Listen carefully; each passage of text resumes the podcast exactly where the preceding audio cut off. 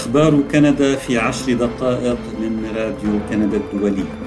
معكم فادي الهاروني وأهلا بكم في حلقة البودكاست الأسبوعية وإليكم العناوين.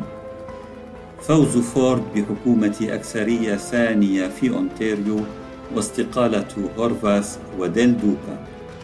بنك كندا يرفع معدل الفائدة الأساسي من واحد إلى واحد فاصل خمسة بالمئة. وكندا تتهم سلاح الجو الصيني بتعريض طياريها للخطر من خلال سلوك غير مهني.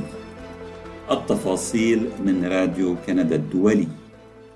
احتفظ الحزب التقدمي المحافظ في أونتاريو بقيادة داغ فورد بالسلطة وبحكومة أكثرية بموجب نتائج الانتخابات التشريعية العامة التي جرت أمس الخميس. وكانت الخسارة قاسية على زعيمة الحزب الديمقراطي الجديد اليساري التوجه أندريا هورفاث وعلى زعيم الحزب الليبرالي ستيفن ديل دوكا فقدما استقالتهما من منصبيهما بعد النتائج السيئة لحزبيهما. وسجلت أونتاريو في هذه الانتخابات أدنى نسبة مشاركة في تاريخها. إذ بلغت 43% وهذا يقل بنحو 13 نقطة مئوية ونصف النقطة عن نسبة المشاركة في الانتخابات العامة السابقة عام 2018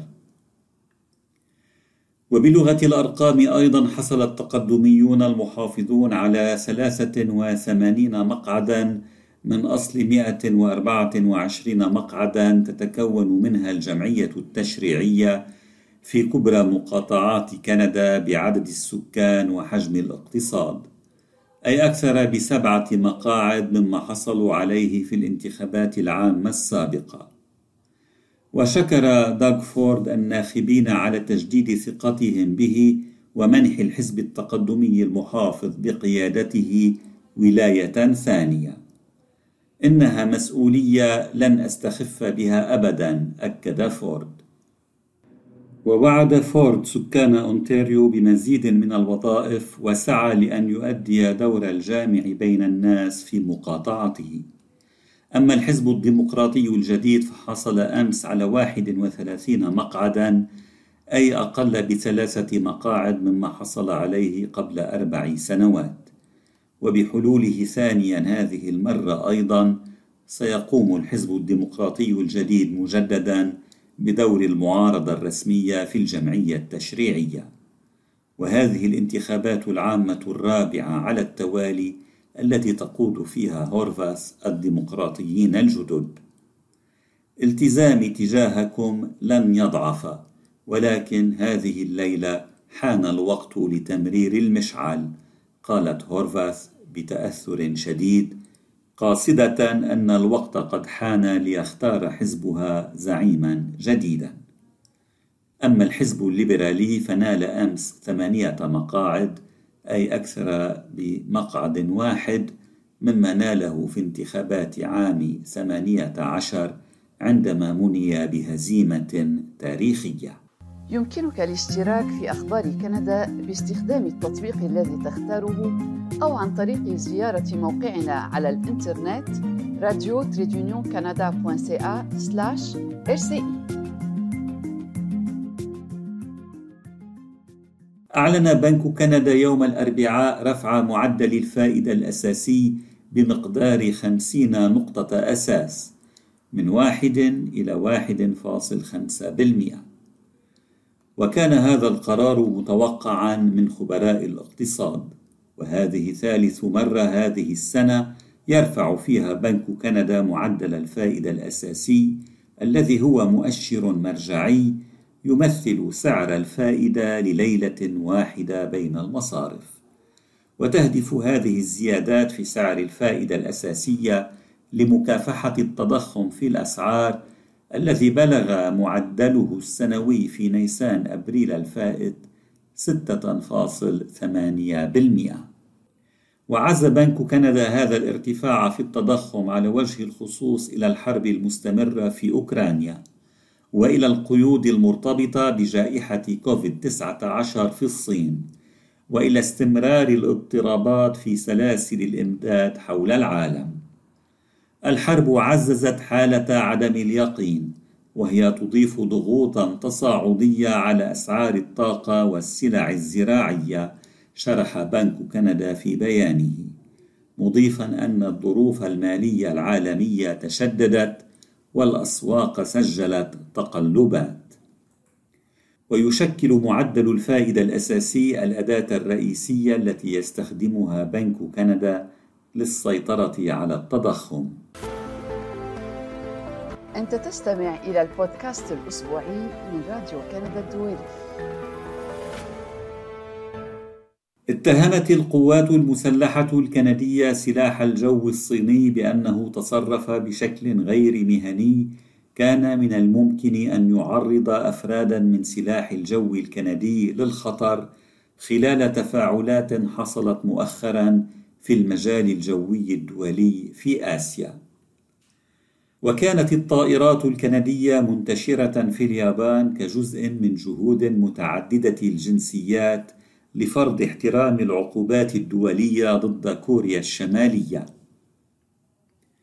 وفيما كانت في الأجواء وجدت الطائرات الحربية الكندية نفسها أمام طائرات حربية صينية كانت تحاول بوضوح أن تجعلها تغير مسارها دون احترام معايير السلامة الدولية كما أوضح بيان نشرته أمس القوات المسلحة الكندية.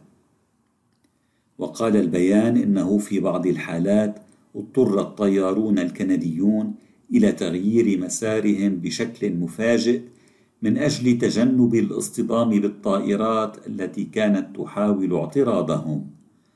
مضيفا أن الطائرات الصينية كانت في بعض الأحيان قريبة جدا لدرجة أن طاقمها كان مرئيا بوضوح.